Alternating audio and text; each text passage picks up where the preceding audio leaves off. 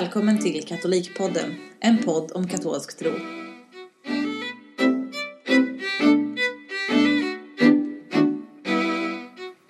Hej och välkomna till dagens avsnitt av Katolikpodden.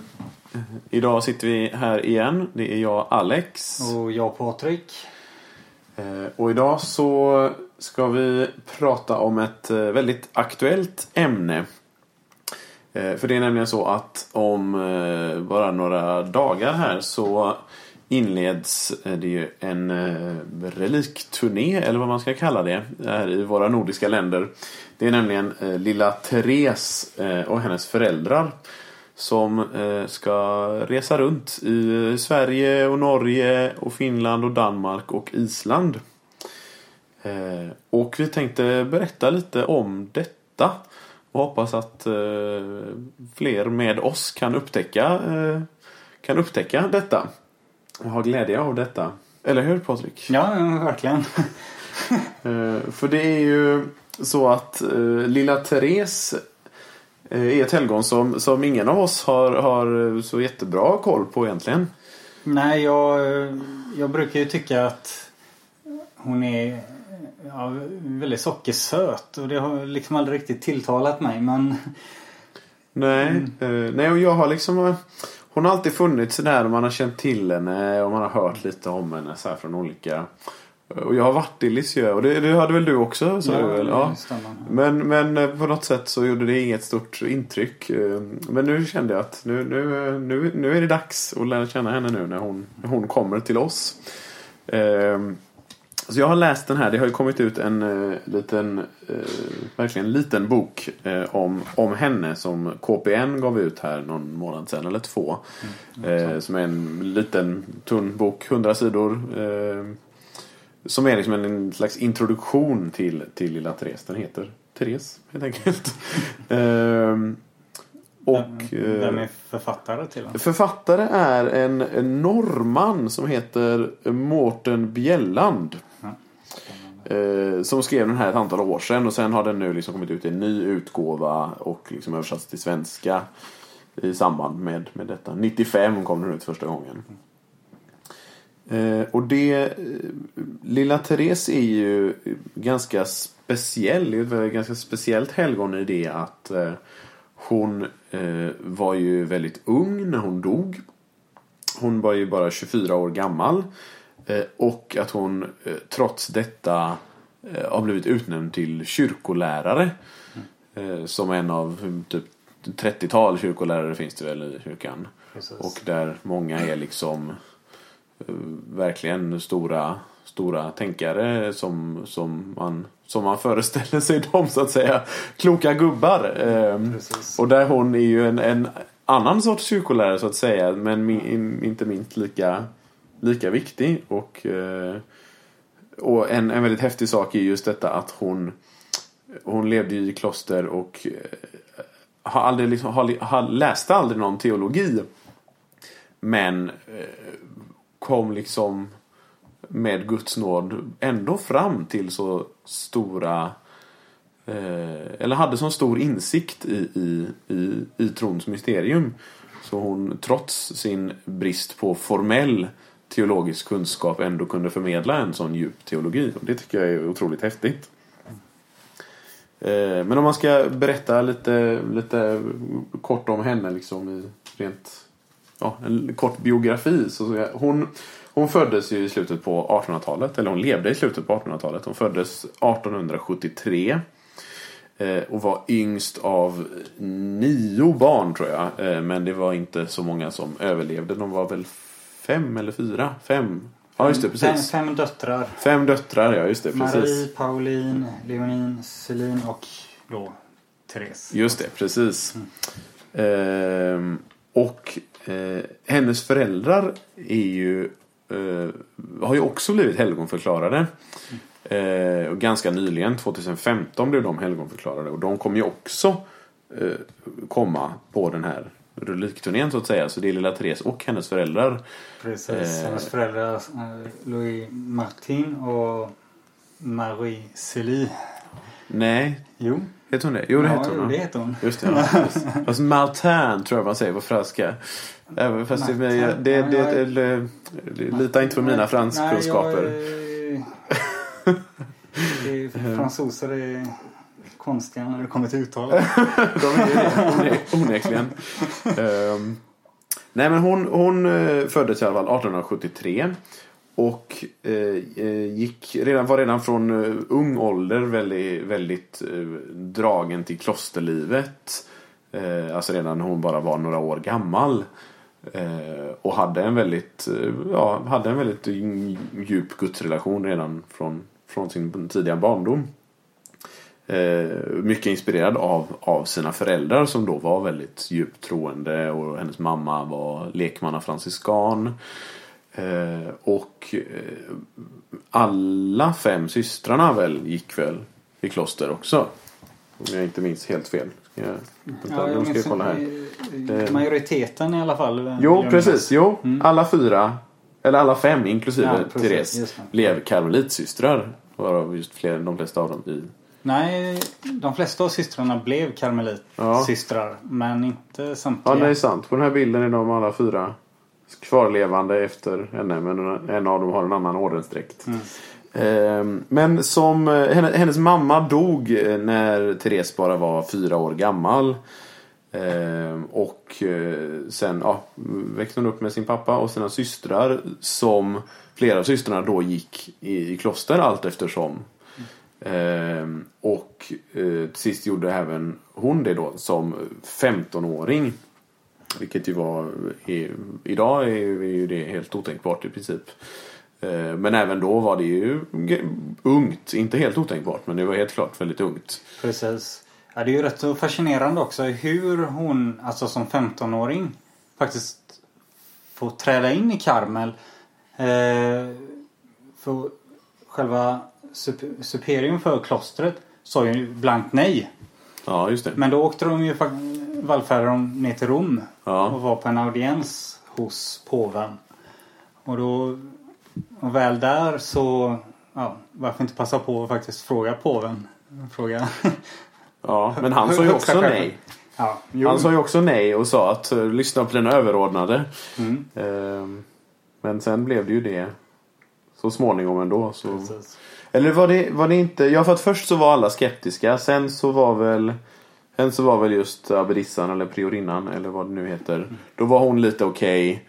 men den ansvariga prästen i klostret var fortfarande emot detta.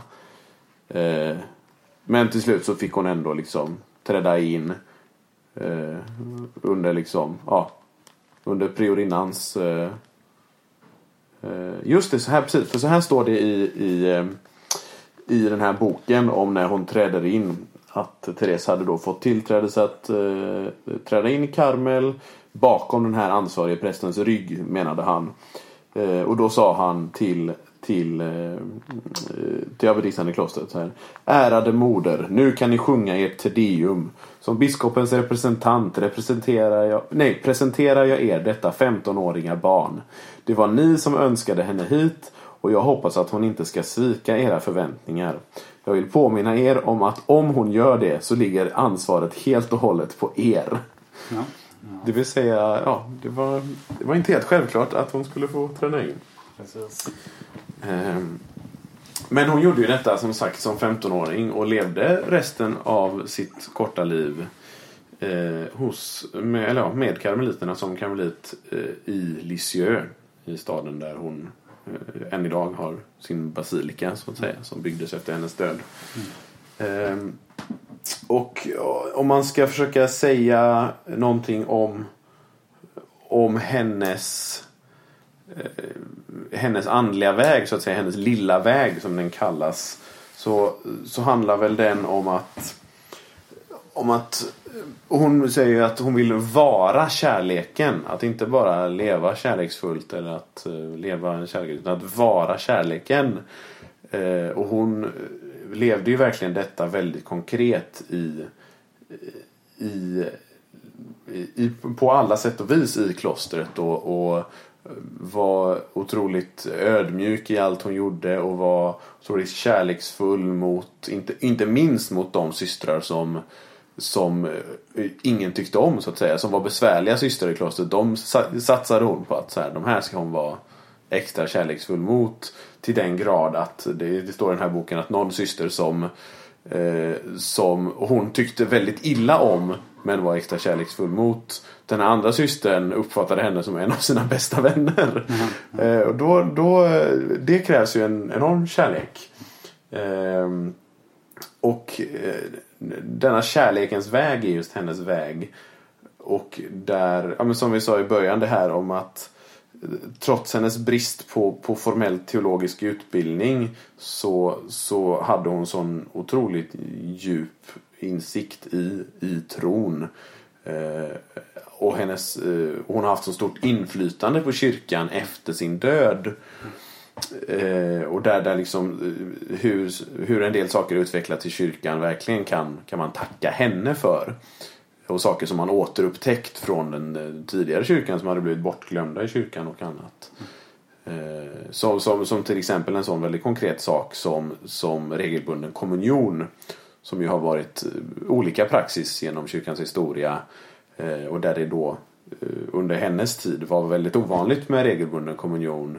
Och i klostret så var det abbedissan som, eh, som bestämde vem som fick gå till kommunion till och med. Och det var ganska godtyckligt och det var ganska sällan. Men Therese ville verkligen att man skulle få gå till kommunion och menade att eh, att Kristus inte liksom kommer till oss i mässan för att sitta i Siboriet typ. Eh, utan att han kommer till oss för att vi för att möta, för att vi ska få möta honom.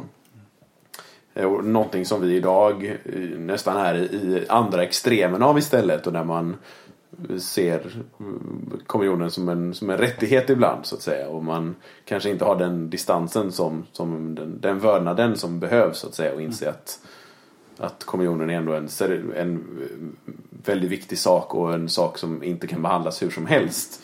Så som vi ser så är, skiljer ju detta genom historien hur vi ser på, på detta. Ja.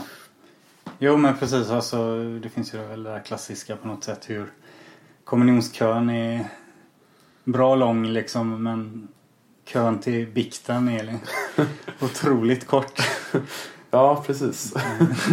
Ehm, så det, det det, där, där kanske vi har fortfarande mer att lära av, av lilla Therese också. I, i, eh, för där var hon också väldigt, väldigt medveten om, om sin egen syndfullhet. Eh, till den grad att hon, hon eh, tidvis var ganska orolig för sin egen syndfullhet så att säga.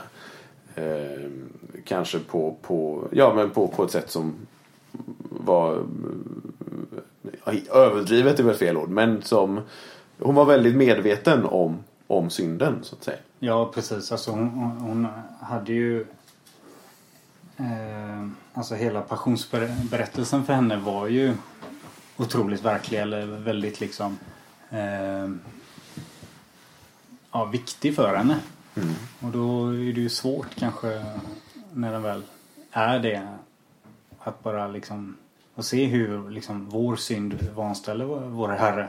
Hur han samtidigt liksom eh, ja. ja, precis. Men eh, vi tänkte också prata lite grann om eh, om reliker överhuvudtaget och om, om varför just dessa reliker eh, kommer hit till Sverige. Eh, men vi kanske ska börja lite grann med, med, med reliker i allmänhet. Var, varför har vi reliker? Vad är grejen med det? Ja, alltså man kan ju se i... Eh, ja, det finns ju... Det är ju ganska bibliskt. Alltså vi kan gå till Gamla Testamentet eh, där vi har hur eh, benen från Elisha exempelvis i Andra Konungaboken. Hur de uppväcker döda. Mm. Eh, vi har kvinnan i, med blödarsjuka i Nya Testamentet som tar på Jesu eh, mantel och blir frisk. Eh, Och vi har ja, bara begravningen av eh, Kristi döda kropp. Eh, hur det sker på ett sådant sätt som är väldigt ja, vördnads... alltså utöver det vanliga på den tiden. Så att eh, det finns absolut alltså en biblisk tradition att liksom gå tillbaka till. Och samtidigt så eh, har vi ju, alltså, och det, det, visste ju även liksom de absolut första kristna. Eh, vi, vi har alltså en av, de, en av kyrkans absolut första, inte den första kanske, men en av de absolut första eh, martyrerna, eh, den helige Polycarpos.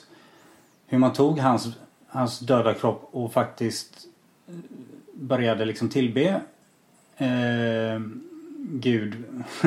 eh, Över hans grav? Ja, men precis. Alltså för hans... Alltså de, de betraktades som extra heliga i och med sin martyrdöd. Mm. Och eh, ja, man började helt enkelt be om deras förböner vid, vid deras gravar. Och det är mycket därifrån liksom kyrkans eh, ben står i på något sätt. Alltså, vi, det är där det började helt enkelt.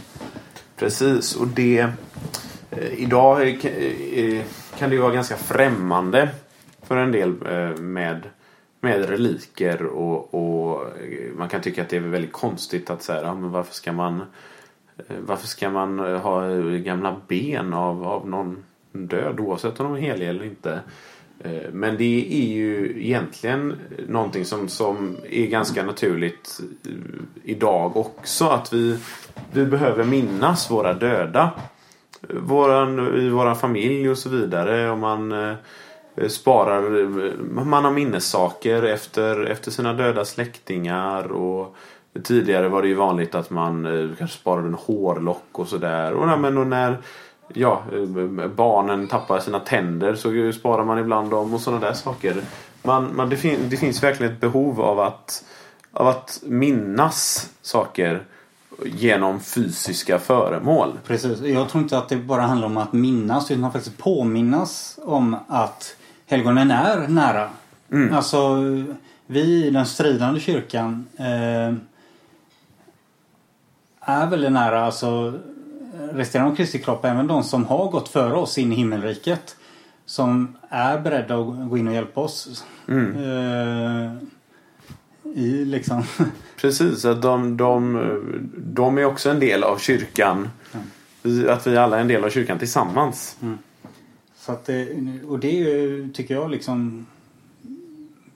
Ja, det är ju mycket en påminnelse rakt av mm. egentligen också. Mm. Så att det, ja. Um, och det, det har man ju liksom som, som sagt ända sedan den tidiga kyrkan så har man ju verkligen vördat eh, martyrernas och helgonens eh, kvarlevor så att säga. Och ofta just byggt kyrkor och firat mässan över deras gravar och det har vi ju än, än idag så att säga. Det har man ju behållit genom hela kyrkohistorien. Det att vi idag har reliker i altaret i, i princip alla kyrkor. Det, om det är en ordentligt invigd kyrka så ska, ja, det, så ska man ha det i alla fall. Ehm, ja, så det, det, det, det lever ju kvar. Det har ju funnits genom hela kyrkan och det är en tradition som vi lever med ännu idag. Precis, man, man ska ju också minnas, eh, det är bara, nu är det lite sidospår här men eh, just det där med att på gravar eh, liksom bygga kyrkor, alltså altaret ska påminna om en grav som så. Det ska påminna om Kristi grav. Alltså det ska se ut som en, en sån här, jag vet inte vad det heter. Jag vet inte, hur, hur eh. tänker du då? Eller hur, hur menar du att det ska påminna om en grav? Jo men alltså hur, hur man byggde eh, gravar förr. Alltså, inte kanske i Sverige där man liksom grävde ner men eh, Som ett slags mausoleum? Nej eller, men alltså om du tänker en sån här fyrkantig liten låda med ett ja. litet eh, Ja. Okay. Just det. Lock på liksom. Där du la kroppen i. Just det, då förstår jag. Ja, så det, det är det som som från början alla altare ska liksom efterlikna på något sätt. Det ska påminna om Kristi död och uppståndelse. Mm. Eh, mm. Så att det är bara få en liten liturgisk. Vi måste komma in på det ämnet, annars blir det tråkigt. Eh, ja, eh, och, men det som i alla fall kan eh, sägas om, få återkomma till ämnet om just reliker. Det som är viktigt på något sätt eller som kanske vi katoliker gärna blir attackerade för är ju på något sätt hur vi hela tiden eh, ja, vi blandar ihop alltså någon, liksom materia med eh, det andliga. Eh, och det är likadant här med reliker. Alltså vi det ses ju som nå- något liksom jo, eh, hokus pokus. Ja, någonting. precis. Ja, precis. Och, och det är ju någon form av ja, dualism att tänka så. Alltså Mm. det är många liksom protestanter och liknande som liksom eh, verkligen går på hårt liksom kring det. Men det är du- dualism. Eh, Att man Ja. delar upp liksom. Ja, men det, är det, precis. ja, men att det, vi, är ju in, vi är ju kropp. Vi är ju materia och ande. ja, Vi har en kropp och vi har en själ och så har Gud skapat oss och så, så har Gud också uppenbarat sig själv och uppenbarar sig själv i, i mässan varje söndag. Mm. Att Gud är inte bara andligt närvarande utan blir fysiskt närvarande på altaret. Precis, och det, där använder vi vanliga simpla saker som ja, bröd och vin. Eh, vi använder vatten. Eh, men där Guds nåd kommer in. Eh, det är inte så att de här grejerna blir magiska och eh, kan göra massa saker. Utan det är vanliga Alltså jättevanliga prylar som där Gud kommer in alltså, och gör det extraordinärt. Verkligen liksom. Ja. Och verkar Titt- genom materien. Precis, och det är exakt samma sak med reliker. Alltså här har du, visst det kanske inte är lika vanligt men det, är- det är vanligt. alltså, även om vi kanske skiljer oss lite från de döda eller de, det som är dött. Men eh, även Gud har den makten och kan verkligen verka även genom det. Eh, det är ju rätt så liksom fascinerande egentligen. Nej men och det är ju precis, det är viktigt att poängtera verkligen att det här att det är ju inte eh, relikerna i sig själva som är eh, ja, men som är magiska eller som har liksom någon kraft i sig själv utan just det här att Guds nåd verkar genom, genom det här.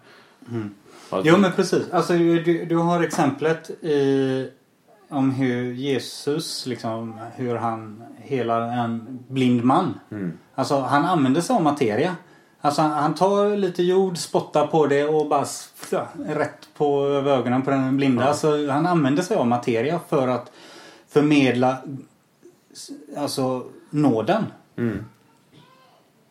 Det är inga konstigheter egentligen med det. Och alltså Gud älskar materia. Ja men. Han, han, har skapat det. precis. Materian är ju inte ond i sig på något sätt. Nej, och argumentet mot att det skulle liksom vara det är ju eh, att Gud... Alltså att ordet blev kött. Mm. Gud själv blev materia. Hur kan det då vara ont? Precis. Ja. Mic drop. det är bra. Men ehm, man kan ju också säga någonting om, om, eh, om varför eh, relikerna av lilla Therese och hennes eh, familj kommer hit. Eh, och det, de, eh, lilla Therese har turnerat kan man säga ganska länge. Ehm, och, och just för helt enkelt för att fler i, runt om i världen ska få, ska få möjlighet att, att eh, be vid hennes reliker och be om hennes förbön och få del av den här nåden som Gud förmedlar genom, genom det här. Ehm, och eh, det fanns planer redan några år sedan att, eh, att försöka få hit de här relikerna men det blev inte av då. Eh, och nu då så under förra året så bestämde biskopskonferensen att man, att man skulle ta det här tillfället i akt och, och eh, ja, få hit lilla Therese och hennes föräldrar. Och det, det är ju också hennes föräldrar är ju inte oviktiga i sammanhanget utan de är ju helgon i, i egen kraft också. Och de är, jag tror jag läste någonstans att de är det första paret som har blivit helgonförklarade tillsammans. Men jag kan, jag kan inte minnas för jag läst detta så jag kan inte garantera att det stämmer. um, men och det är också um, Man poängterar ju också att det här är uh, en uh, viktig, viktiga förebilder för, för familjen. Mm. De var ju verkligen en helig familj. Mm. Att eh, se, att dels få så många barn och att alla fem döttrar som överlevde till vuxen ålder gick i kloster. Då, då har man lyckats som förälder kan jag, kan jag tycka. Mm. Det är inte för att det är den enda vettiga kallelsen i livet på något sätt. Men det, utan just den här att både och. Att både äktenskapet finns med i det här och ordenslivet. Ja precis. Sen kan man ju vända lite på det också och se att familjelivet som så är en väg till helighet. Mm, det är precis. också väldigt viktigt att poängtera. Precis, verkligen. Eh, så det, och det kommer ju vara en, en familjedag eh, i Vadstena den 6 oktober som, som på extra speciellt sätt liksom riktar sig till familjer. Eh, just, ja, men just för att det är en, det är en helig familj som, som, som kommer till oss här i Norden.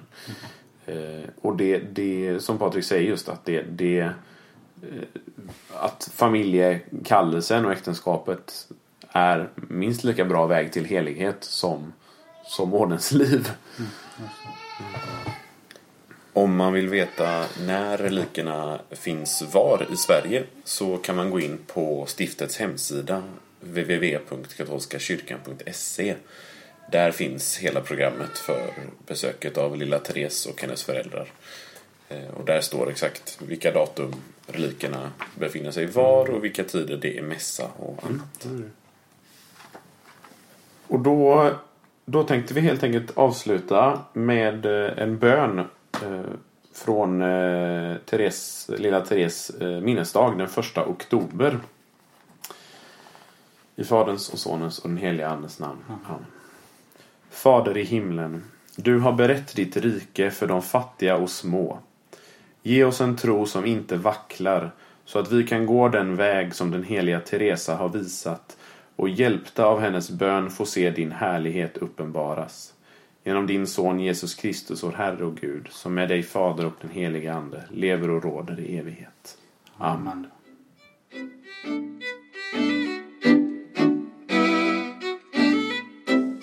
lyssnat på Katolikpodden.